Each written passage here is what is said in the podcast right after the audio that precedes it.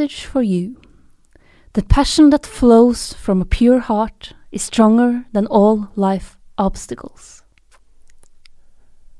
Det var dagens visdomsord. Og med det ønsker vi Mina Finstad Berg hjertelig velkommen tilbake fra Kroatia! Takk, takk. Velkommen inn i studio her. Ny episode med TV2 Fantasy. Hva var det du leste fra nå, Mina? Nei, altså Jeg har jo vært i Kroatia og blitt uh, zen. Uh, fordi på kroatiske vannflasker så står det sånne visdomsord. Uh, så jeg har lært veldig veldig mye der som jeg tenker å ta med meg inn i fantasy-sesongen i år. Lidenskapen i hjertet. Det er det som skal styre meg gjennom meg.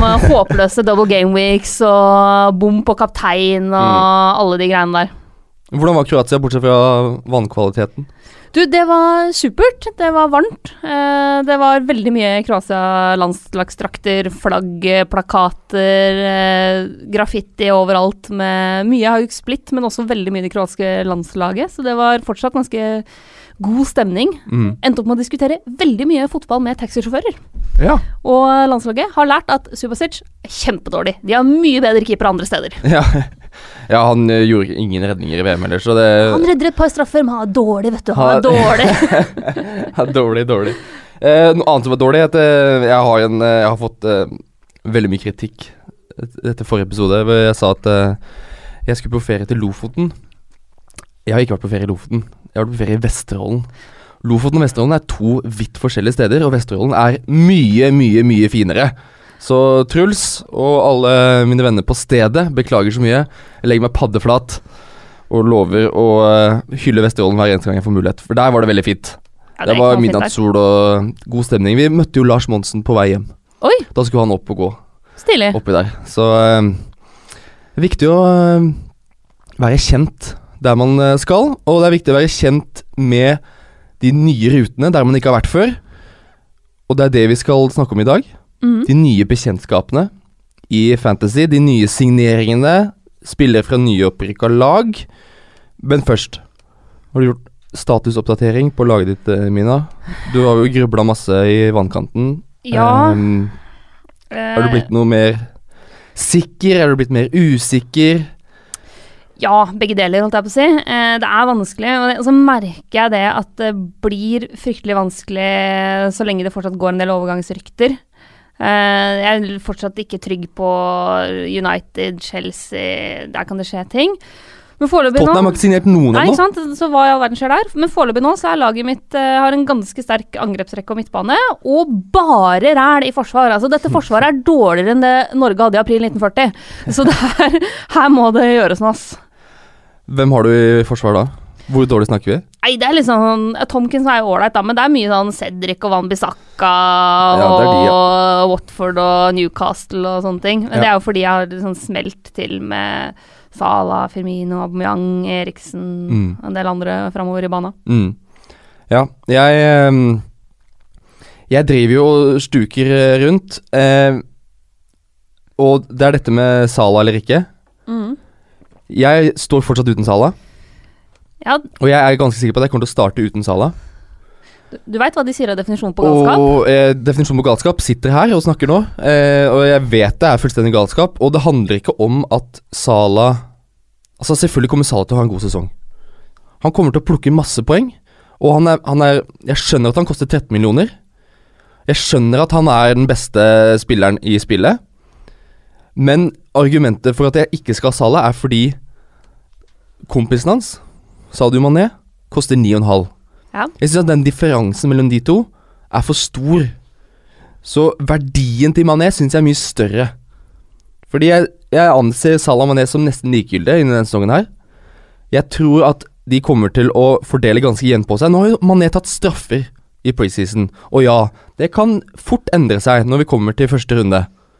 Men det er noe med potensialet til Mané som jeg syns er mye større. Derfor så syns jeg verdien til Mané er mye, mye, mye høyere enn Salas verdi. Og ja, 50% har han. 140% kommer til han som kaptein i første runde, og jeg kommer til å sitte der og angre dypt. Men i et litt lengre perspektiv så syns jeg verdien til Mané er så mye høyere, og derfor vil jeg heller bruke den plassen i Liverpool på Mané. Og jeg ser det argumentet, for all del. og Det finnes argumenter for å gå for, da, sånn som Mané istedenfor Salah. For min del så handler det litt om at i år så har jeg ikke tenkt å brenne wildcardet like tidlig som i fjor. Mm. Eh, og da føler jeg per nå at det er tryggest å starte med Salah i laget. Eh, fordi hvis han fortsetter der han slapp i fjor, da, Mm. eh, med å score i hver eneste kamp, med å være den som leverer mest stabilt, eh, sånn som han gjorde i fjor, og han blir sånn at jeg må ha han inn, så er det fryktelig vanskelig å få han inn Mm. uten å ta hits, Mm. fordi han er så dyr. Mm. Og da tenker jeg at det er tryggere å starte med han. Mm. Hvis han ikke funker, så selger jeg han, og så har jeg 13 millioner å leke med. Og det, det også skjønner jeg veldig godt. Men jeg er ikke riktig skrudd sammen, så jeg har jo lyst til å bare prøve. eh, men jeg har en uke på meg til å gruble på det enda mer. En uke på å bestemme. Når vi spiller inn dette, så er det én uke til fristen går ut. Mm. Til det hele begynner. Og en uke av livet, det går veldig fort, det. Jeg har tenkt at en uke av livet, det er jo ingenting. Det er fryktelig lett å glemme en uke av livet, og ofte så husker jeg ikke hva jeg gjorde forrige uke. Eller hva jeg skal neste uke. Bortsett fra nå. Mm. For det her Denne uka som kommer nå, neste uke, så vet jeg akkurat hva jeg skal gjøre. Jeg skal krangle med meg sjøl om Diogo Yota vil bli det nye stjerneskuddet på denne fantasy-himmelen. Og jeg vil tvile på om André Schürrle fortsatt har litt magi igjen i beina. Og så vil jeg se for meg Naby Keitas dominerende poengplukking inn på Anfield. Og så kommer jeg nok til å grøsse av tanken av alle minuspoengene Stefan Lichsteiner drar på seg pga. Gule og røde kort og alt det kaoset han kommer til å skape der. Og denne sesongens nye bekjentskaper er jo tema for dagens episode. Hva kan vi egentlig forvente oss av de nye fjesene som kommer inn? Og veldig mye av moroa og frustrasjonen med fantasy, det er jo å plukke ut de riktige nysigneringene. Forrige sesong var selve bevis på akkurat det, med Mohammed Salah. Og sjøl om mange hadde han, så var det ingen som hadde tippa at Salah skulle plukke over 300 poeng i fantasy i år. I. Så det er det det skal handle om. I jakten på denne sesongens Sala, dere, så har vi juksa litt på bakrommet. Jeg har plukka ut eh, Jeg har jo vært på jobben eh, noen dager før deg, Mina, så jeg har plukka ut de mest interessante nysignerende som er kommet fram til nå. Og da skal vi ta det i hver enkelt lagdel. Yep. Så vi kommer til å gå innom nyopprykka lag, nye signeringer i ja, godt eh, spredd utover ligaen. Vi begynner bak, i buret. Det er flere kjente navn som har kommet inn her. Liverpool har satt overgangsrekord for keepere. Men fortsatt så er det litt sånn eh, usikkerhet, eh, spesielt rundt Courtois i Chelsea. Han ryktes veldig bort til Real Madrid, så der venter vi fortsatt på at det kan kanskje komme en Kasper Schmeichel, f.eks. Da vil det bli veldig interessant, men vi begynner med Alison. Yep. Fem og en halv koster han. Og første tanken min er at han kommer jo til å styrke det Liverpool-forsvaret, som allerede er ganske bra, fordi de hadde 17 clean sheets i fjor. Uh, 106 skudd på mål imot hadde de. Mm. Det er ikke mye på 38 matcher. Spørsmålet er jo skal man bruke en av de tre plassene man har fra Liverpool, på keeperen. Jeg syns ikke det nødvendigvis er så dumt, altså. Eh, jeg er nå ganske interessert i å ha Liverpool defensivt i laget mitt. Eh, jeg syns de allerede begynte å se mye mye mer solide defensivt ut eh, etter at eh, van Dijk kom inn eh, i fjor vinter. Før jul så var det jo litt sånn at vi kødda med at eh, ja, nei, altså Liverpool vinner jo så lenge de skårer fire mål. på en Mm, måte. mm. Eh, for det, da blir det sånn 4-3 eller 3-2. Eh, men etter at han der kom inn, syns jeg de så mye mye mer solide ut. Og Alison er en klassekeeper. Ja, han har bare Altså, han har kort fartstid på toppnivå i Europa, eh, men sånn han har sett ut for Roma, så har han vært helt glitrende. Jeg tror det er en veldig, veldig solid signering av Liverpool, og det gjør at jeg faktisk tenker at det er verdt å bruke en defensiv plass på, på Liverpool. Om det betyr at man skal alle sånn, eller om det gjør f.eks. Robertson. Ja, Eller fordi- van Dijk mer interessant, det er jo et annet spørsmål. For uh, Alison er jo halv million billigere enn van Dijk og Robertson. Ja, som skal treffe dek defensiv dekning. Selvfølgelig så er det ikke så mye han får ikke så mye målpoeng, da. Uh, Men kan det komme en assist fra Alison, da? Han har jo vanvittig Ja, eh, Tilslag? og han er jo en spillende keeper. Det Mhm. er jo på moten. Den eh, har vært den nye vinden i flere år nå. eh, men det skal, skal mye til for at eh, han skal få, få med seg en assist. mm, Men jeg syns Liverpool defensivt ser mer interessant ut enn på lenge. mm. Eh, og alle sånn, hvis man vil gå for den strategien å ha en premium keeper og ikke rotere Jeg veit at du eh, helst vil eh, rotere keepere. Ja, du, altså Hvis du skal spille fancy, så roterer du keepere. Det er første regel, det. For de av oss som mitt. som bare blir megafrustrert av å skulle sitte og prøve å gjette om det er Southampton eller uh, Fulham som har Ja. best sjanse for clean shit, så syns jeg at Alison er et godt valg. Uh, halv million billigere enn uh, det Hea, så Mm. det tenker jeg er fint. Mm. Og hvis du skal sammenligne med DGA, så hadde vel Alison like mange redninger som DGA i forrige sesong. Mener jeg har lest. Så er det jo mm, Hvor lett kan man sammenligne mellom Premier League Ja. og, og Serie A, og mellom ulike lag, men eh, nei, du, du får en ny fancy dimensjon til Liverpool med Alison Ja. mener jeg. Og til den prisen man kan sammenligne med Ederson f.eks. i City, så er det ganske Jeg tenker det er ganske jevnbyrdig. Eh, det er også i City samme problemet hvor skal man bruke de tre plassene. Så Alison er ganske høyt oppe. Det er et fint åp åpningsprogram Liverpool har. Men jeg faller ned på at jeg kommer ikke til å ha Alison. Det er fordi jeg skal orientere keepere, selvfølgelig, men det er også fordi jeg vil ha Robertson, jeg vil ha van Dijk. Ja. Jeg vil ha det offensive potensialet i Liverpool. Jeg også er der per nå. Ja. Det er ikke bare Liverpool som har henta ny keeper. Arsenal Yep. har henta ny keeper, men har de henta ny førstekeeper i Bernd Leno til fem millioner? Er han rett inn? Han må vel være tiltenkt det, men spørsmålet er jo litt sånn om man ser for seg en gradvis overgang. Eh, det blir jo veldig spennende å følge med på den siste innspurten Mm. til Premier League-starten nå. Jeg syns alltid det er liksom vanskelig når du har nye trenere. Jeg syns det er vanskeligere å ta den vurderinga. Jeg kommer ikke til å, å ha inn noen Arsenal-spillere, kanskje med unntak av Aubameyang eller Lacassette fra start, før jeg ser litt hva Emery får til med Mm. det laget. Men han skal jo være mer solid defensiv. Ja. Arsenal hadde jo 13 clean sheets i fjor. At Emery klarer å fikse ja, 14-15, det, det, det tror jeg. Så jeg tror at det er Hvis Leno er førstekeeper og blir satsa på som det, som jeg også vil tro at han skal, så kan det være verdi i Leno. Mm. Og jeg, da kan du fint ha han som førstekeeper som, som står, akkurat som med Alison eller De Gea. Og så kan du ha en fire blank keeper i bakgrunnen. Sparer du litt penger der også. Mm. Men eh, sånn som så Arsenal eh, møtte jo Chelsea her eh, i treningskamp for noen dager siden. Da var det vaklete bakover for begge lag. Da sto Peter Cech, Mm. han redda straffe. Ja.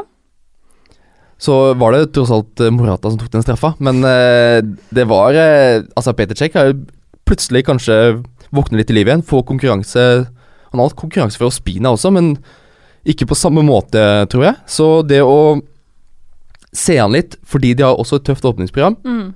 er nok lurt. Ikke hive på Leno med en gang.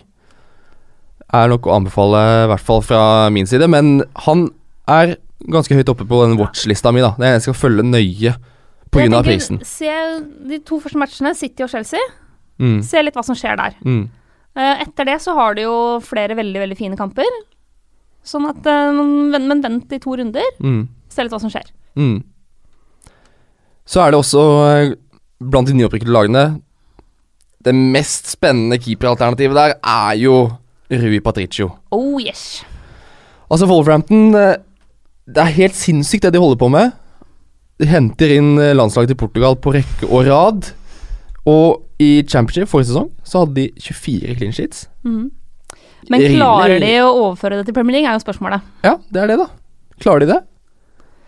Jeg, jeg tror jeg, jeg, jeg sliter med å se det. Jeg, har en liten følelse av at Wolverhampton er en sånn Det kan være en liten hype. Ja. Men det, altså, alt, det er mye som tyder på at Wolverhampton er veldig godt skodd for en sesong i Premier League, med de spillerne de har henta inn, som Patricio. I fjor så slapp de jo inn bare et 39-mål. Det var det minst i hele championship, sammen med Cardiff, som også rykka opp. Mm. Og Men det er det derre jeg, jeg vet ikke om de klarer å ta det. Jeg vet ikke om det er såpass samspilt, det laget som kommer opp. Det er selvfølgelig gode relasjoner mellom portugiserne, mellom Motinho og Neves på midten. Eh, men det at de selger f.eks. Barry Douglas, da, Mm. venstrebekken de har hatt, og så henter de inn han Johnny Castro, som er en mye mer defensiv back, tenker jeg ok, da skjønner Wolverhampton at her må vi være litt mer defensivorientert. Kan det ha noe å si for spillestilen, eller er det bare en forsterkning som gjør at Patricio ser bedre ut? Det er jo vanskelig å si, eh, men jeg syns uansett at Patricio er spennende, og spesielt i den prisklassen. da. Hvis vi skal tenke på de, de keeperne som koster 4,5, Mm. så er det jo ikke sånn at det er litt sånn bøttevis å plukke av. Du har jo gamle kjente som eh, Begovic, du har oh. Løsel og Foster og, Mm. og den gjengen der. Fabianski. Eh, Fabianski altså jeg, jeg mener kanskje Fabianski er det beste Ja. alternativet i den prisklassen. Men med da Patricio som kanskje en god nummer to, altså. Mm. Uh, sånn at uh, jeg syns han definitivt er interessant. Se litt hvordan det går i de to første matchene, Everton og Leicester. Det, er ikke, altså det, er- det, er ikke, det er ikke kjempelett. Nei, det er Og så kommer City. Så kommer Westham og Burnley og United.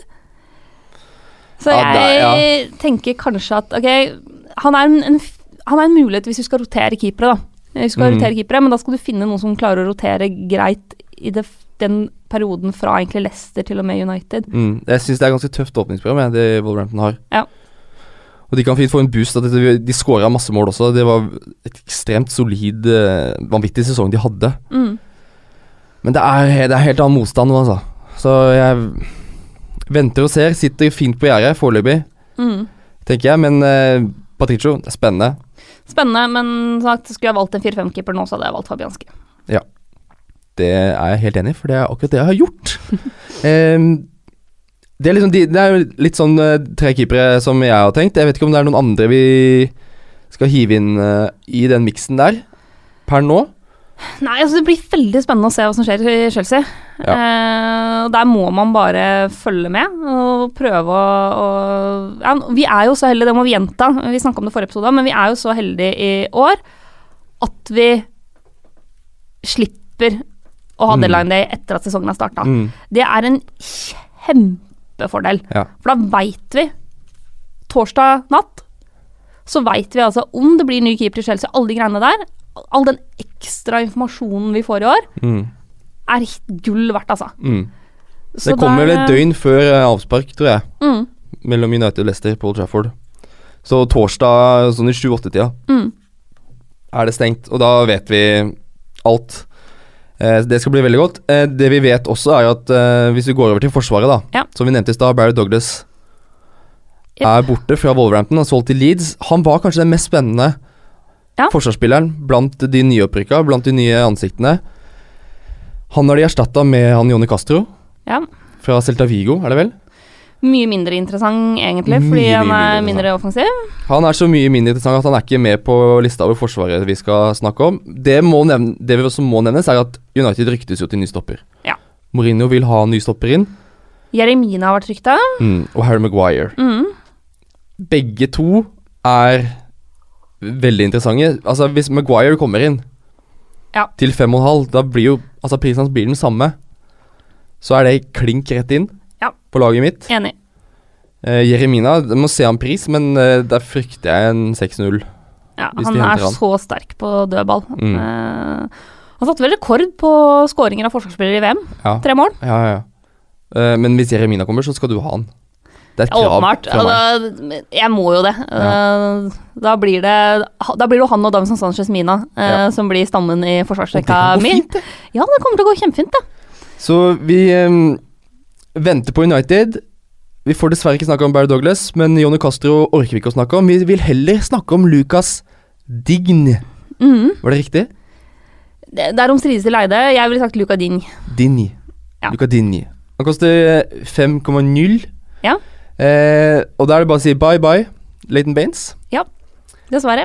Det, er, det var hyggelig så lenge det varte. Fancy legende i et par Ja. sesonger. Definitivt. Eh, det første tanken som slo meg, er at Din er jo et nytt førstevalg her. Ja, det må han jo være. Eh, han hentes for såpass mye penger òg at jeg kan ikke se for meg at Everton skal bruke Det er vel 20 millioner. Mm. Eh, at de skal bruke 20 millioner på en backup på bekken. Fordi Marco Silva okay. Uttalte jo at okay, her, vi vil ha konkurranse, for Baines hadde ikke noen konkurranse Mm. forrige sesong. Dette er veldig viktig for laget, at vi får konkurranse på alle plasser. Men han er jo prisa til fem. Altså Mm. Det er en halv million billigere enn Baines. Mm. Og når du henter en Han har vært i Barcelona, har vært i Roma, har vært i PSG Altså Han har liksom Mm. Kommer en storkar, Ikke spilt så mye i Barcelona, Nei. men uh, men likevel. Ja. Altså, Jeg- jeg- jeg, jeg han for Barcelona, skal de sitte Ja. på benken? jeg kan ikke skjønne noe annet enn at han uh, kommer til å være førstevalg. Eh, og hvis du ser på liksom, hans i Barcelona altså, Han har åpenbart vært uh, backup. Mm. Han har ikke spilt liksom, all verden. Han har klart seg helt greit når han har spilt, men uh, det er klart at når du konkurrerer mot Jordi Alba, ja. så er det vanskelig å spille seg inn i en førsteelver. Så Mm. han har jo vært en backup. Eh, og så er det veldig lett at for folk å tenke at liksom, her kommer det en Barcelona-back, da blir det masse offensivt eh, halloi og topp stemning. Men er, han er ikke en Alba-back, Nei. Er Eh, han er mer defensiv enn det. Altså, han kommer til å drible litt på kanten der og gjøre litt sånne type ting, men han er ikke en fyr jeg forventer meg masse assists Nei. og mål fra. Eh, så jeg, jeg syns ikke han egentlig er sånn fantasy-messig veldig interessant. Så blir det spennende å se hvordan han finner seg til rette i nytt lag. eh, hvis han får spille fast, som jeg tror han gjør, om det da kan løsne litt. Men, men han har aldri vært en liksom, ja, han har aldri vært en Dani Alves, han har aldri vært en Jordi Alba, en av de type bekkene som pøser på måker inn heller, innlegg. egentlig. Nei, sant? Eh, så, og når han da koster fem blank, så syns ikke jeg han er så Altså, det blir nei fra meg i denne Mm. omgang. Ja, fordi som sier, veldig lite målpoeng i Barcelona. Siste sesongen hans i Roma hadde han tre mål og tre assist. Ja. Og det er forholdsvis decent. Det, det, det, kan, man, det kan man leve med. Um, men det er ikke noen sånne tall som uh, skinner i øya på meg, akkurat. Så det er, det er også den følelsen av at her er, vil Everton sikre seg mer. De vil ha mer solid defensiv struktur. Henter en backtype som passer mer til det. Og det kan jo hende også at dette gjør at Shims Coleman på andre sida får mye mer offensiv frihet. Hvis sånn. Dine skal spille. Det hadde vært gøy. For jeg har jo Coleman inne. Ja. Så øh, vi ser vel an Dini også, selv om Everton har et veldig veldig, veldig pent åpningsprogram. Så må vi se an hvem som kommer til å være førstevalget der. Og uansett hvem som blir førstevalget, så kan vi vel konkludere med at det kommer til å bli rotert. Ja, og at uh, det er ikke så interessant med en Everton Beck som man ikke forventer så mye offensivt av, Nei. egentlig. Det er det definitivt ikke. Um, da skal vi gå videre til uh, to tårn Ja. som er henta inn i London. Øst-London. Westham, altså. Ja, der handles det. Der handles det. Der har de kjøpt nye versjonen av Football Manager, og de handler som bare det. Der har de henta to stoppere. Issa Diop Mm. de 4,5. Og er vel eh, 194,5 cm høy. Og så har de hent- henta Fabian Balbuena. Det koster også 4,5. Er ikke like høy, men eh, sies, eh, ifølge Westhams eh, hjemmeside, sies at dette er en offensiv eh, trussel på dødballer. Eh, er dette det nye stoppeparet til Westham?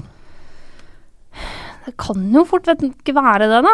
Eh, jeg tenker i utgangspunktet kanskje at Issa Diop er den eh, av de to som er mest interessant. Ja. Han er, ah, hvis han er først i køen, da. Ja. Fordi nå er jo um, Winston Reed er jo skada, Mm. så måtte vært den førstevalget på midten der. Og så har du Ogbonna, som også til 4,5. Ja. Som er eh, kokos. Det er jo umulig å vite hva han finner på. Han er litt sånn rullegardinspiller. Ja. Den går ned med jevne mellomrom. Så at Westham vil ha ny stopper, det skjønner jeg. Ja. Veldig godt. At de vil ha to, det kan jeg også skjønne. Så det ligger jo til rette for at her skal begge to satses på. Men Diop, som du sier, den mest spennende av de. Ja. Eh, problemet mitt er at jeg stoler ikke på Westham defensivt. Nei. Eh, der var vi jo flere som brant oss litt i fjor Ja. eh, på det. Eh, så får vi se litt med Fabianski inn, da. Mm. Om det kan hjelpe på. Fordi det var jo mye keeperrør i Vestheim i fjor. Mm. De slapp jo til enormt mye med skudd. Ja. Og det- med nytt, nytt forsvar, det har fått inn Fredriks på høyrebekken der. Det er, det, er, det er nytt over hele linja. At det skal ta litt tid, ja, det kommer det til å gjøre. Så det kommer nok til å komme en del skudd imot også denne sesongen, i hvert fall i starten. Da er det veldig greit å ha Fabianski, mm. for han er jo en bedre skuddstopper enn det Joe Hart var, og for så vidt Adrian. Um, men det er eh, Hvis du skal ha en stopper til 4,5 som du skal belage deg på at her kommer det til å komme offensive skåringer på dødball, så er det litt tynt. Ja. Det er, det er for tynt. dessverre. Når du har eh, Ja, man kan si man gjør det samme med James Tompkins til 4,5, men det er litt annerledes med Crystal Palace, som har en mye bedre defensiv eh, struktur i laget. Nei, sendes til, sende de opp til watchlist, og Ja. la det bli med det inntil videre. Send dem på venterommet. Ja. Der kan han sitte fint og lese i alders. Det kan bli hyggelig.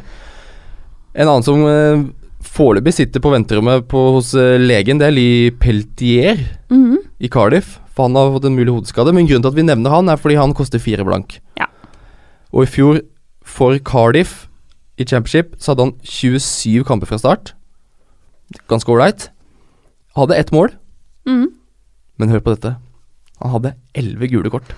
Det er sure minuspoeng. Det er, det, det er et gult kort annenhver match, Mm. nesten. Ja.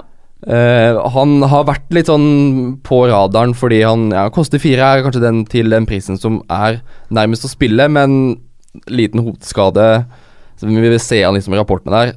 Men Cardiff Gud a meg, altså der tror jeg det ryker ganske tvert ned igjen. Ja, det, det tror jeg også. ikke, altså. Det tror jeg også. Uh, og så er det jo litt sånn Igjen, da. Eh, Nyopprykka lag. Alltid vanskelig å vite helt hva man eh, kan forvente seg. Men jeg syns liksom både Wolves og Fulham ser mye mer interessante ut Mm, enn det Cardiff gjør. mm.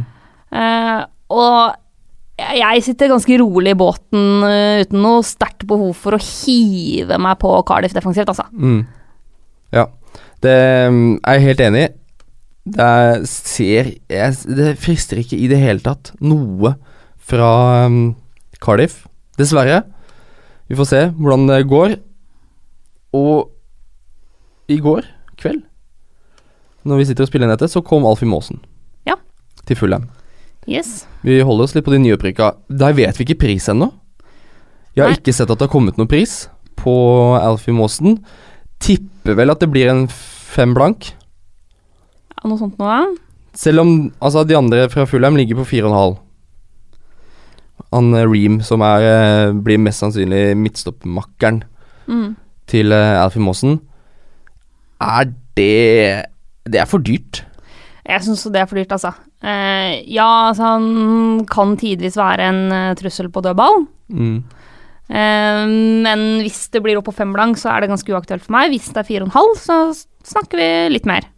Ja, for da blir Fullern mer interessant. Altså, vi tror at Fulham blir mye mer solide bakover nå, med Måsen, Kan han fikse det aleine? Ikke aleine, eh, men han har jo med seg altså Han har med seg Premier League-erfaring. Eh, han har vist til at han er en solid stopper. Mm. Får vi se litt eh, hva som skjer på liksom back-plass og liksom nå, da. Om Cézinho skal spille back, eller om han skal Mm. være wing. og Litt hvordan det, de liner opp der. Mm. Men jeg eh, Altså, jeg, jeg kjenner ikke akkurat sommerfugl i, i magen og økt puls av å tenke på Alfie Maasen på fanslaget mitt. Nei. Det gjør jeg ikke. Nei, det Nei, ikke jeg heller. Jeg hadde han vel så vidt når han var i Swansea, Ja. til og med. Og det det blir ikke noe mer aktuelt at han kommer til Fulham, egentlig. Beklager. Beklager, Alfie. Det Du er et stykke unna venterommet fortsatt. Men det er jo dette med Cézinho skal spille back Mm. innen denne forsvarsrekka her. Ja. Hvis han skal spille back, det vet Ja. vi ikke ennå. Det vet vi ikke ennå, fordi han spilte Var det halve sesongen back og halve sesongen wing? Ja, noe sånt nå. Eh, Eh, altså, det er jo Hvis vi skal gå over til midtbanen, da, hvor det er så vanvittig mye godsaker i den 6,5-klassen, mm. og Cézinho er en av de. Ja. Han hadde 16 mål og 8 assist i championship i fjor. Og kåra til uh, alt mulig man kan kåres til, Ja. omtrent som ung spiller i England. Uh, fantastisk spiller. Har jo vært rykta alle andre steder enn Fulham. Mm. Uh, og er jo en av de man har enorme forventninger til. 18 år er han. Mm. Helt vanvittig. Uh, så jeg tenker litt sånn herre Altså, hvis han altså, Jeg får litt sånn derre Dele Alli for et par år siden-vibber. Ja. Uh, bare at han er dyrere enn det Dele Alli var eh, da. Men at han er en som liksom virkelig kan ta Premier League med storm nå når han får sjansen. Men han er ikke mitt lag per nå, og det er den usikkerheten på om han skal være back eller midtbane. ja, for hvis han spiller back Altså Hadde han stått som forsvarsspiller på fancy, så hadde det vært en no-brainer. Ja. Det hadde vært rett inn på alle lag. Mm. Mm. Men han står som midtbane. Mm. Seks og en halv. Det kan være at eh, det er gull på alle mulige måter, men jeg har lyst til å se litt hvordan Fulham liner opp før jeg hiver meg på. Mm. For hvis han spiller back, så kan vi si at da er han uaktuell.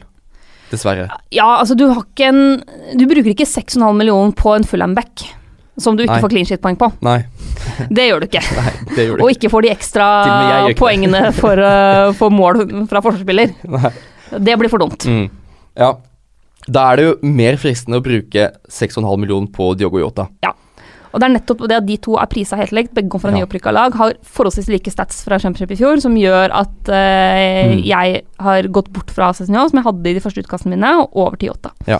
Yota skårer 17 mål og hadde 5 assist. Wolf skåra flest mål i championship i fjor. Mm. 82 mål, altså. De skåra 1,8 mål i snitt per kamp. Og sjøl om de har handla mye, så er Diego Jota kommer til å spille. Mm. Det er det ingen tvil om. Det er litt sånn følelsen av mainman. Ja, veldig, altså. Uh, han ser bra ut også. Han uh, har jo nå Fin fyr. Ja, han scorer for eh, U21 og holder på også. Mm.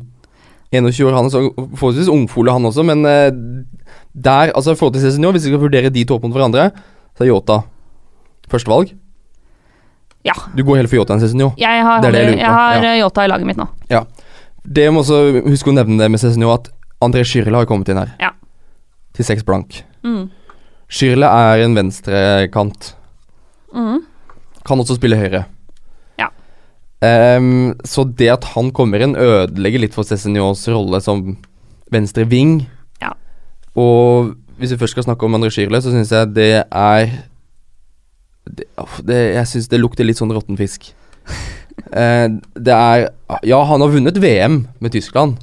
Ja, og har scora mye. Og har scora i VM og er en kul fyr. Og har vært i Chelsea og vunnet ligaen og har vunnet det som er. Men han er ingen målskårer. Og, og ganske skadeplaga ofte. Ja. Eh, han har slitt med mye liksom små, en del ganske solide skader, men også en del sånn småskader. Så jeg tror ikke jeg orker å begi meg inn på det der. Nei, det er, det er småskader, og så er det Han er ikke giftig nok. Han er ikke konsistent nok. Han, han kom, altså, av det jeg har sett av han, så er det Det er for mye sånn tull Det er for mye tull.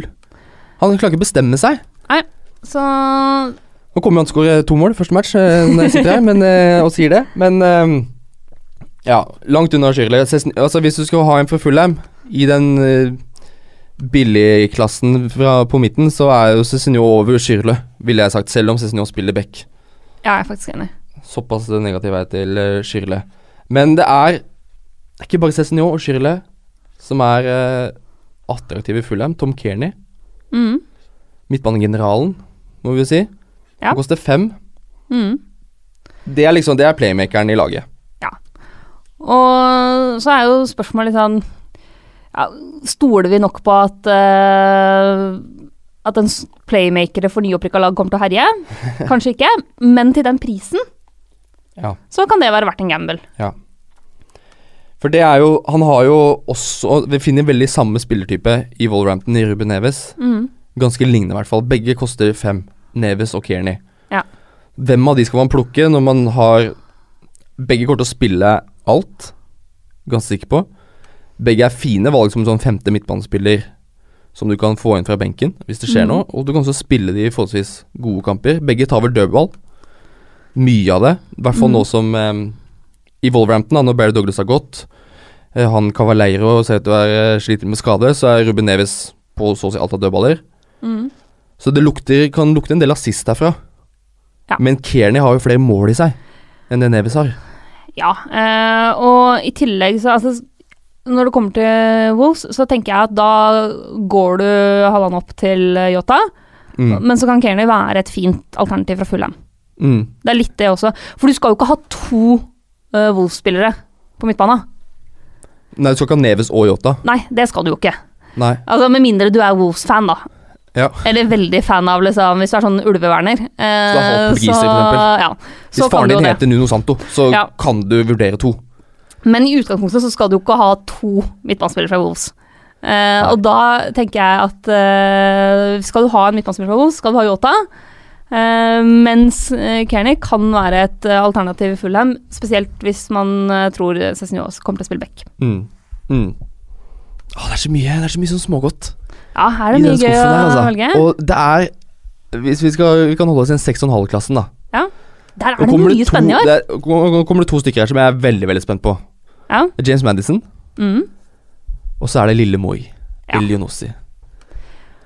Det er, Yes. altså James Madison henta fra Norwich til Leicester. Mm. Han hadde 14 mål og 8 assist i Championship i fjor. Og Real Maris er borte. Han er solgt. James Madison det er mainman offensivt for Leicester nå. Det er han som skal fòre Jamie Vardy. Og så kan Gray løpe rundt og finne på noe på kanten, hvis han klarer det. Han har vært god i preseason. Mm. Det er også Moi verdt. Yep. Mohammed Elunussi har Altså, han hadde 11 mål og 15 assist for Basel Mm. forrige sesong. Dusan Talic er solgt. Så Elunussi er jo også, sånn jeg ser det, en mainman i Southampton. Og også vært god i preseason. Skåra nå forrige match. Er, altså, jeg skal ta med de norske brillene, og så prøve å tenke at Mohammed Elunussi, han kan faktisk være noe. Altså, jeg beholder eh, de norske brillene mine på, eh, og sier at i den duellen mellom de to, så går jeg for Moi av sånn rent patriotiske greier. eh, Er ikke det fordi- skummelt, da? Ikke til 6,5. Altså, jeg tenker, ok, Hvis du skal gamble på en 6,5 uh, midtbanespiller fra starten av sesongen, så er det Mm. mye morsommere å gamble på Moi. Ja. Det er mye morsommere om det funker. Altså, Husk hvor mye vi koste oss den perioden Joshua King herja og sto som Ja. midtbane. Ja, Det er mye artigere. Også, fordi, fordi det er Altså, vi, vi har litt begrensa informasjon om spillerne. Begge er nye klubbene sine. Eh, det gjenstår å se altså, treningsmatcher. Ja, de er gode, men hvor mye kan vi utlede fra de? Vi må se når Premier League faktisk er i gang igjen. Mm. Skal du ta en gamble på en av de to da, så er det mye morsommere å gamble på Moi. Ja. Og ser du på kampprogrammet, så har uh, Elinossi har Burnley, Everton, Leicester og Palace Ja. første. De fire første. Ok, det er sånn midt på treet. Det er, det er noen litt tøffe, tighte kamper. Men det kan også være gode muligheter for å få inn noen målpoeng. Mens Leicester, og James Madison, har United borte først. Mm. Og så er det Wolverhampton, Southampton og Liverpool. Ja. Da taler det Elinossis fordel. Definitivt. Begge er eid av 0,7-0,8% Ja, Du har, altså, Der kan hente mye poeng på konkurrenter her, altså. absolutt. Og da skal du ha en diff i den prisklassen der. Hvor gøy er det ikke at det er uh, det norske landslagets uh, ving for de neste 10-15 åra? Ja, det er, det, det er kanskje noe av topp ti gøyeste Ja. som fins. Og man må huske det at fancy skal også være gøy. Ja, Man det. må kunne ta noen sånne gambler og Ja. bare gjøre det med hjertet. Ja. Ikke sant? Altså, sånn har jeg tenkt tidligere når jeg, med eksempel Shakiri som Stoke-sporter. Mm, Eh, At I konkurranse med andre mm. så valgte jeg da Shakiri istedenfor andre på, på samme pris, fordi jeg koser meg mer med det. Mm. Og så er det jo litt spennende å se. Det kan være Det, det er veldig liten sjanse for det, men Elinosi kan ta noen frispark. Ja. Altså direkte frispark. Hvis Ward Prowse ikke spiller, for han er vel fus i køen. Men det kan Altså, han har tatt frispark for landslaget. mm. og har klart å sette noen av de. Så det er en fot der på treningsfeltet. Hvis Marcus ser det fra, fra Moi, så Ja. kan, det bli, eh, kan det bli spennende, det også. Det, det er noen som taler litt eh, både for og mot uh, Moi, er jo Mark Hughes, da. Eh, fordi han har jo prøvd litt forskjellig tidligere i sin trenerkarriere, kan man jo si. Men hvis han fortsatt skal liksom, ta med seg den der Barcelona-inspirerte greia han prøvde på i Stoke, så kan det jo bli mye rom eh, offensivt og Mm. boltre seg for eh, Moi. Mm. Ja, det er spennende å, spennende å følge. Eh, tenker at Mark Hughes skal fortsatt eh, være trener i Premier League. Det også er, Det er det er også topp ti gøy, Ja. gøyeste ting i hele verden. Eventuelt bittert, da, litt avhengig av eh, om du er Stoke-sport eller ikke. Uh, vi fikk inn også Det er kommet en ny signering uh, i siste timene før vi spiller inn her. Mhm. Max Meyer. Mhm. Maximilian Meyer Mhm. har gått til Crystal Palace. Yep. Tysk ving fra Schalke 04 har han kommet inn. Der har heller ikke kommet noe pris ennå. Uh, jeg er ganske sikker på at det blir en 6,5. Det blir enda en uh, godtepose inn i den uh, billigkroken der. Så første tanken min er at her kjøper de en klassisk ving. Det betyr Wilfred Saha. Han skal et annet sted. Ja, Og det går det mye rykter om, eh, og de tror jeg stemmer. Jeg tror eh, Saha begynner å bli gira på å prøve seg i en større klubb igjen. Mm. Uh, og det ser også Det virker jo nesten som om Palace allerede er i gang med å bruke pengene fra Ja. som de tjener på Saha. Ja, for de har også henta inn Sheikh Kouyaté. Ja. Men uh, han fortjener ikke noe uh, tid i denne podkasten. det er jo heller for så vidt ikke Andrews Townsend, som er på en måte eneste vingen de har nå. De har jo brukt Ja. James McArthur på kanten, så de trenger en, kantspiller. Det er det ikke tvil om. Så da henter Max Meyer Mm. Strålende signering. Veldig, veldig god signering av Crystal Palace. Men det er Jeg Han kommer seint inn her Ja. i laget. Eh, hvis Saha skal gå, hvis han drar, som er altså definisjonen av hovedrolle i et lag, Ja. og så skal en ung tysker komme inn der og bare Slapp av, gutta. Jeg, jeg kan ta over det her, jeg. Jeg fikser det. Det, det tror jeg ikke. Det tror jeg ikke noe på. Nei. Men at han er en spennende spiller, selvfølgelig. Definitivt, men han er veldig langt unna laget mitt per nå. Ja. Uh, han har jo heller ikke levert noe særlig de siste sesongene. Han er ung, da, Mm. så det kan jo hende at det går seg til. Ja. Eh, men, eh, men veldig langt unna mitt lag nå. Eh, kanskje ser det annerledes ut om ti gameweeker. Ja, jeg tror det jeg synes det bare er kjipt, jeg, at de henter inn han. Fordi det bare Da, da kommer seg hat å gå, og da kommer Palace til å se mye mer eh, Ja, skuffende ut offensivt, tror jeg. Det, jeg har dårlig, dårlig følelse på det. Dårlig følelse. Beklager. Meyer.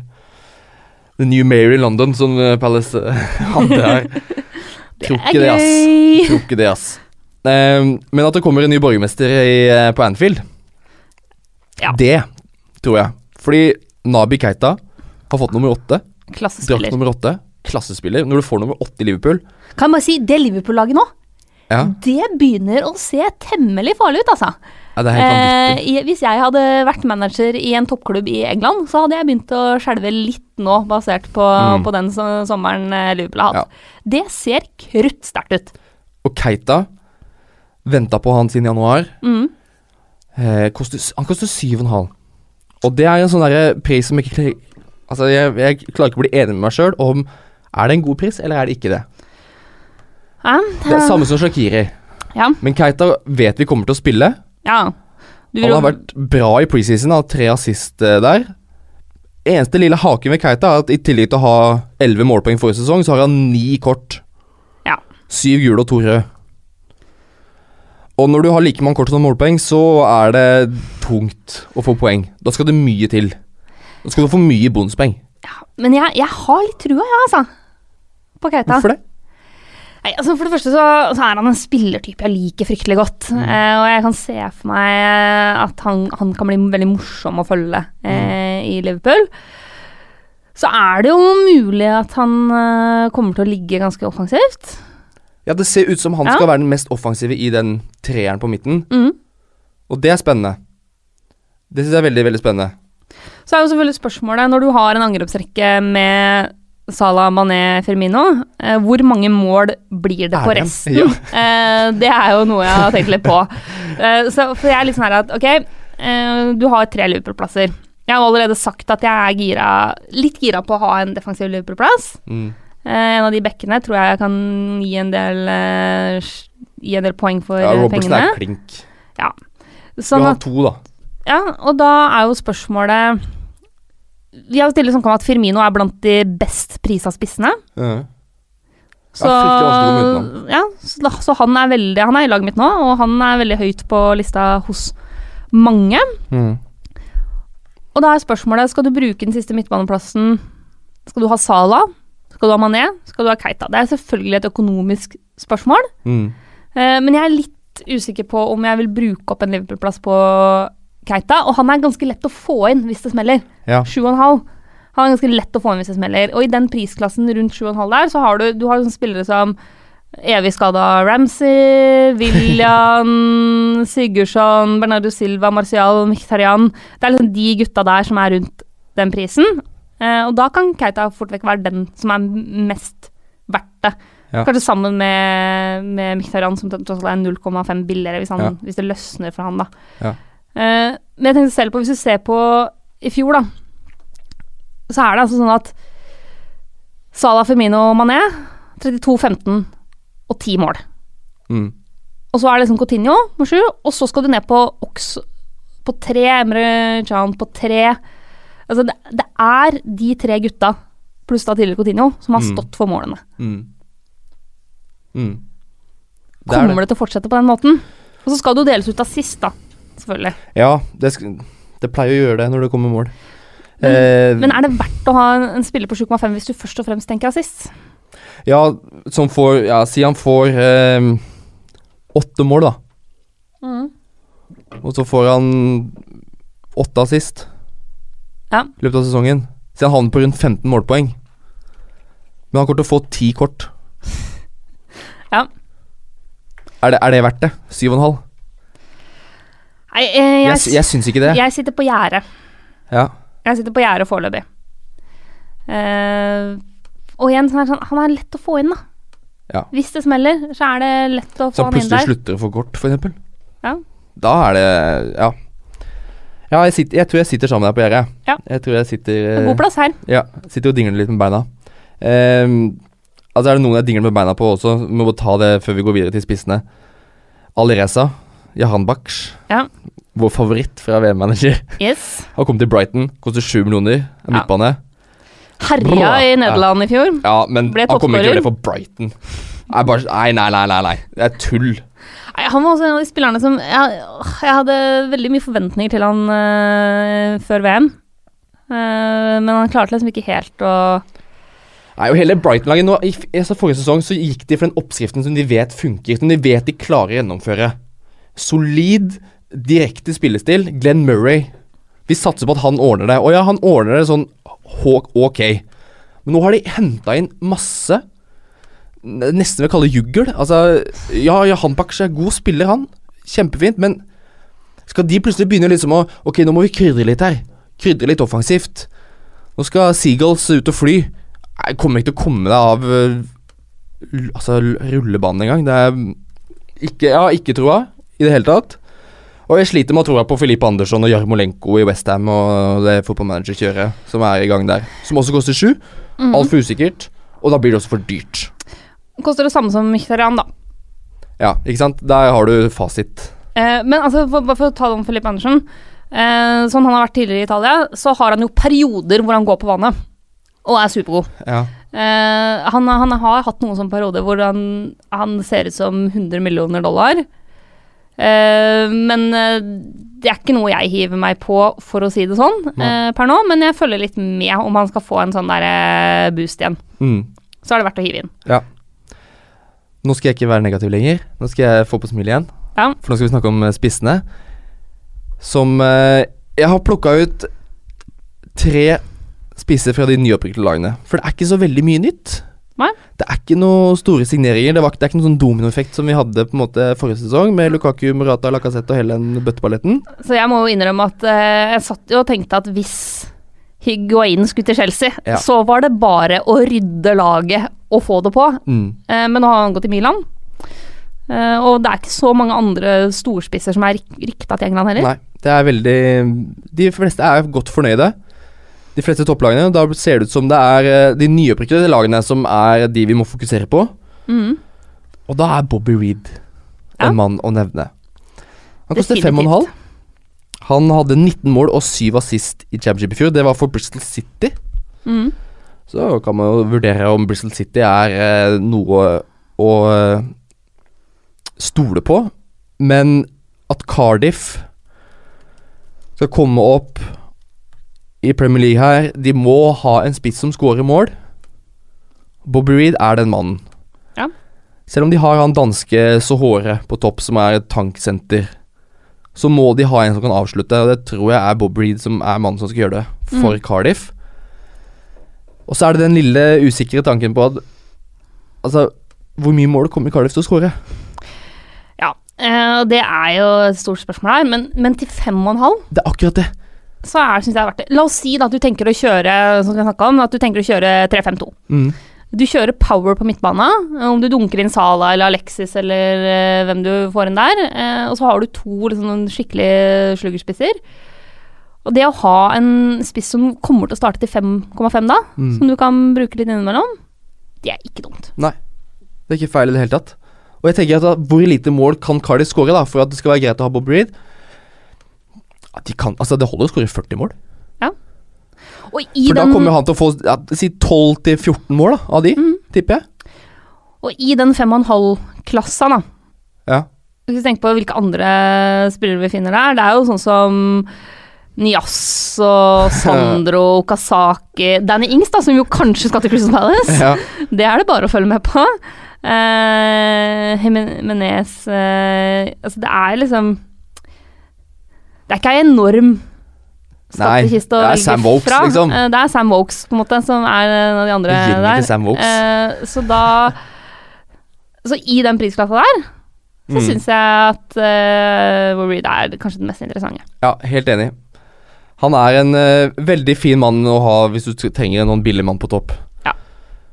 Men du, vi skal holde oss til den billigklassen, da. Aleksandr Mitrovic.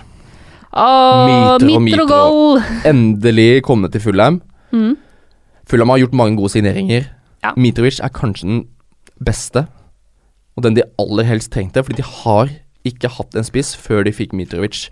Og det så vi i Championship i fjor. Mm. På de 20 kampene han hadde, så hadde han 12 mål. Og så hadde han en assist også. Og han trivdes der. Mm. Eh, han funka i laget. Han eh, var, med, var helt sentral i at de rykka opp.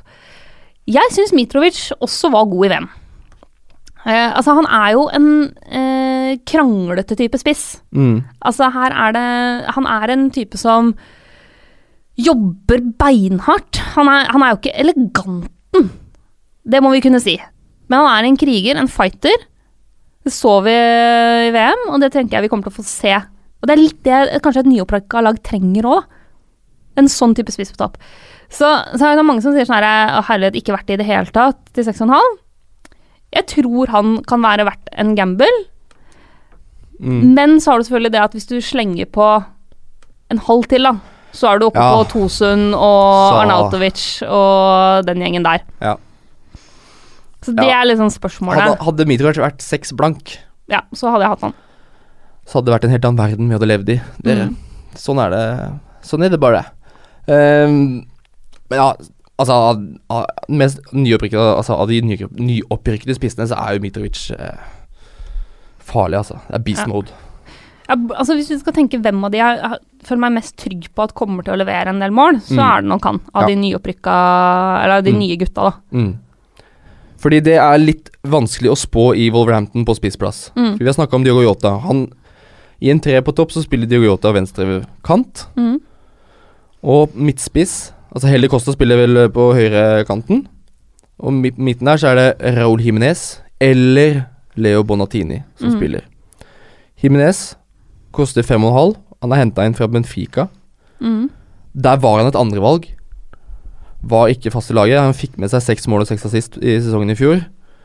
Mens Bonatini, som spilte store deler av sesongen i championship, hadde tolv mål. Fem Mm. assist. Han starta 29 kamper forrige sesong, hadde 14 som innbytter. Så han er på en måte i laget fra før. Men det er ikke sånn vanvittig målsnitt på han. Ganske decent. Det er jo ok. Mm. Men når Wolverhampton henter inn Jimenez, henter inn spiss, Ja. så blir det veldig usikkert med en gang. Da tenker jeg at da er det han som skal inn i laget. Det også speiler jo prisen at han koster 5,5 og Polantini koster 5. Mm. Det er ingen av de som er en Mitrovic som er klink, som vet hva det går i. Mm. Som vet hvordan du skal få de skåringene. Så mm, gode spisser for all del. Men det, blir- det blir for usikkert for min del, altså. I hvert fall når du har Diogo Jota ved siden av, som er Ja. midtbanespiller. Det er liksom vent og se an. Ja. Eh, og blant spissene da, hvis du skal ha en spiss i den veldig billige skalaen, så ville jeg heller gått for Bobby Reed. Mm. Eh, skal du ha en Wolf-spiller, så vil vi igjen heller gått for Jota. Mm. Så ja. det kommer sikkert alle de her til å score også i starten. Men eh, sånn kan det gå. Ja, det kommer til å bøtte inn. Ehm, det er jo alltid noen av disse nye signeringene, de nye ansiktene her, som kommer til å få en flying start. Mm. Så det med Monier forrige sesong. Ja. Første match mot Crystal Palace. Han skåra to. Ja. Og det var bare Alle må ha Monier. Han skåra vel så vidt Han skåra nesten ikke resten av sesongen. Nei. Så um, det er viktig når vi snakker om disse nye signeringene. Én kamp er ikke nok til å gjøre en vurdering, tror jeg. Ehm, det er litt annerledes med disse spillerne som bytter klubb innad. Mm. Der vet man mye, mye mer. Og det tror jeg, altså Tidligere sesonger så har jeg alltid syntes det har vært innmari artig å ha sånn tre Typ tre spillere jeg gambler på. Mm. Uh, Trent Alexander Arnold var en av dem i fjor, for eksempel. Eh, jeg tror jeg skal gå bort fra det i år. Det blir for usikkert å heller gå for liksom ganske sikre kort, og så ha én sånn gamble. Og det blir nok eh, sånn ting ligger an nå, blir det Yota, som jeg ser på som en gamble, sjøl om han har levert veldig solid tidligere. Men jeg, jeg, tror ikke jeg skal begi meg ut på noe særlig flere enn det. Nei. Da ender du opp med å ha spillere som sitter ytterst på benken din, og som du sliter med å få bytta fordi du aldri får prioritert dem. Ja. Uh, og hvis du går for sånn tre-fire litt sånn usikre differentials-kort, uh, så låser du fort mye, altså. Mm. Det er uh, hele dette, altså majoriteten av de trygge spillerne som vi har stolt på kanskje hele sesongen, sånn som Kevin De Bruyne, da, Mm. er plutselig blitt usikker pga. Ja. VM. Ja. Du, altså, altså, det er så mye mer usikkerhet nå enn det har vært før. Mm. Så Derfor er det kanskje enda viktigere å velge litt mer trygt enn Mm. man har gjort tidligere. Men vi må jo oppsummere, Hermina, med Vi skal velge oss ut én fra hver lagdel Mm. vi syns er mest interessant. Jepp. På keeperplass vil jeg si Bernt Leno. Jeg vil si Alison. Hvorfor sier du alle sånn? Fordi han er en klassekeeper. eh, og fordi jeg tror at han eh, kommer til å styrke Liverpool enormt defensivt. Og fordi han er en god skuddstopper, så han kan fort ende opp med å få en del save points og bonus og sånn også. Mm. Jeg sier jo Leno fordi prisen er såpass fin. Mm. Det er eh, fem blank. Det er nydelig for en keeper som jeg tror kan få første Altså, han er førstevalget. Og Arsenal har veldig fint kampprogram, i hvert fall fra runde tre. Ja. Og så skal du ikke se bort fra at spesielt eh, kamp to bort mot Chelsea Chelsea er fortsatt ikke satt. City mangler masse spillere. Så at uh, Arsenal kan slå godt ifra seg De har hatt hele preseason og få med seg poeng, gode prestasjoner mot City og Chelsea, det er langt ifra utenkelig. Og så kommer det en rekke med en nydelig grønn eng for Arsenal i et kampprogram. Så Leno til fem Mm. hadde vært nydelig. Um, bak i Forsvaret Det er litt vanskeligere, ass. Ja, der er det mye Mye rart. Men uh, den prisen til Lucas Ding Ja. er veldig fristende. Fem Ja. blank. Ja. Altså Man har sett på Coleman Baines til 5,5, tenker det er grisebillig. Og så Ja. kommer det inn kanskje enda bedre alternativ i din, og er enda billigere. Ja. Altså, han er jo Han er ikke et bedre alternativ i form av offensivt potensial, basert på det han har vist de to siste sesongene. På den annen side, hvis han får kontinuitet i spillet sitt, altså så kan det lykkes framover i banen òg. Og han er jo blant disse det sikreste kortet. Eh, jeg syns Issa Diop ser interessant ut, Mm. Eh, men der eh, venter jeg mer. Så jeg, kan, jeg kan gå med på din, under tvil. Ja, det er litt sånn vi må plukke en, så da sier vi din, Mm. tenker jeg. Det er Det er sånn det må bli her i denne podkasten. Eh, midtbanen Litt verre man velger der. Her er det masse alternativer. Du har jo sagt Yota. Jeg har sagt Yota veldig veldig mange ganger. Eh, han er i laget mitt, så for meg kjempevalg. Skal jeg kaste eh, en- et wildcard, så blir, må det jo bli Moi, da. Åh, Moi, altså. Mm. Moi, moi, moi. Ja, ja jeg, klar, jeg klarer ikke Jeg klarer ikke å være 100 eh, fan, altså. Det er det, det er, han er norsk. Er, jeg bare jeg klarer ikke å se for meg at en, en, en nordmann skal være premiumvalg i Fantasy, så Jeg tror jeg er med deg på Yota. Mm. Jeg er med deg på Yota. Og så får vi se, da, om Elionossi klarer å vise hva han er god for. Det har vært vanvittig gøy. Det hadde det vært. På topp så er det Ja, Mitrovic. Mitrovic. Ja, altså basert på Jeg stoler ikke på Fulham, jeg, altså. Nei. Men uh, hvor mye stoler du på Cardiff? Ja, jeg stoler ikke noe mer på de. så, Altså, jeg stoler mer på Fulham enn Cardiff. ja, jeg, ja. ja, det gjør jeg. Det er mulig jeg har blitt hjernevaska av Brede Hangeland, eh, men i utgangspunktet så stoler jeg mer på Fulham. Jeg er med på den. Vi skulle liksom ikke være enige nå, men greit, vi er, vi er for mye Vi enige. får krangle om keepere. Ja, vi får krangle om keepere. Det er, det er da noe å krangle om. Eh, før vi avslutter, så må vi ta fikk et spørsmål på Instagram her. Ja. På eh, TV2 Fantasy-kontoen vår, som vi heter. Følg oss der. TV2 Fantasy på Instagram. Der eh, skal vi prøve å legge ut litt content. Mm. Magnus spurte kan vi tippe topp fire. Uh. Ja, Og det kan vi gjøre prøve. nå til slutt. Jeg sier at ligamester blir Liverpool. Oi! Jeg tror Liverpool vinner Premier League. Så tror jeg Manchester City blir nummer to. Og så tror jeg Arsenal blir nummer tre, og Chelsea blir nummer fire. Sprekt. Og United ryker eh, Mourinho Ja. Nå eh, Det er så déjà vu til siste sesongen han hadde i Chelsea da han ble sparka, ja og det endte på tiendeplass.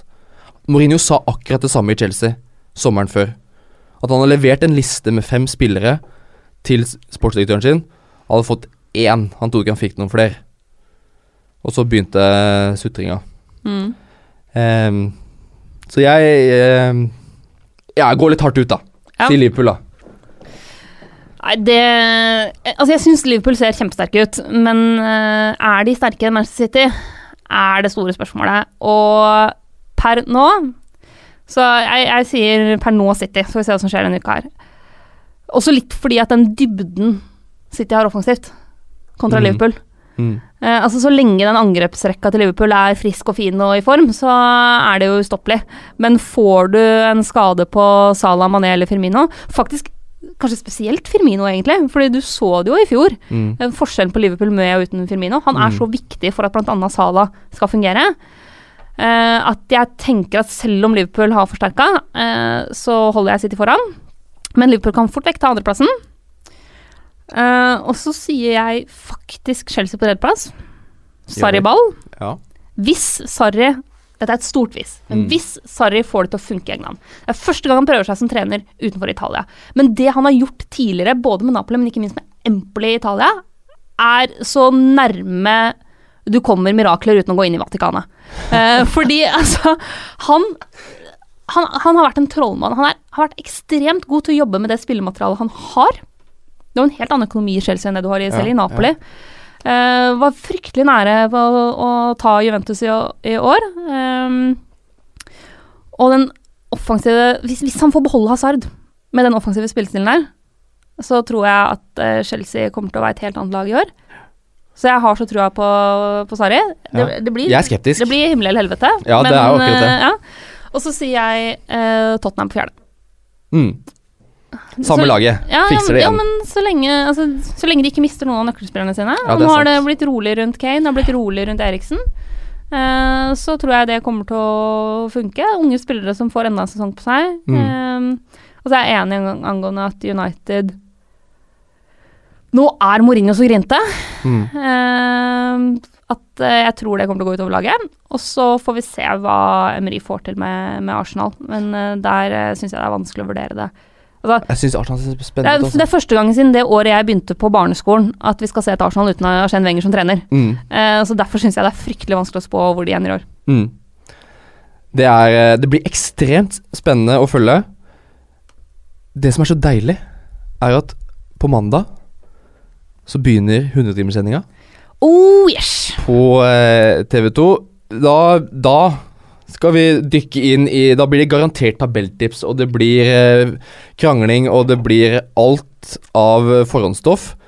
Og vi skal snakke fantasy hver bidige kveld fra neste uke.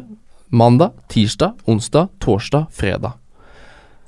Så det gleder vi oss veldig til. Og så kommer mest sannsynlig alle disse bolkene vi skal ha, alle disse timene vi skal ha, kommer på podkast. Yep. Så får du ikke sett det, så er det bare å høre på podkasten. Det Jeg gleder meg veldig. Ja. Vi, det blir en sånn Deadline Day-spesial på torsdagen. Blant annet etter at vinduet er stengt. Så eh, skal vi dykke inn i materien. Så da er det bare å bli med i TV2 Fantasy-gruppa på Facebook. Egen Facebook-gruppe. TV2 Fantasy. Meld deg inn der. Diskuter med kjente og ukjente. Følg oss på Instagram. Og bruk den siste uka godt nå. Yes. Ikke la den gå til spille. Våre gode fantasivenner, tusen takk for at du hørte på. Vi høres til uka. Vi ses til uka. Hei då!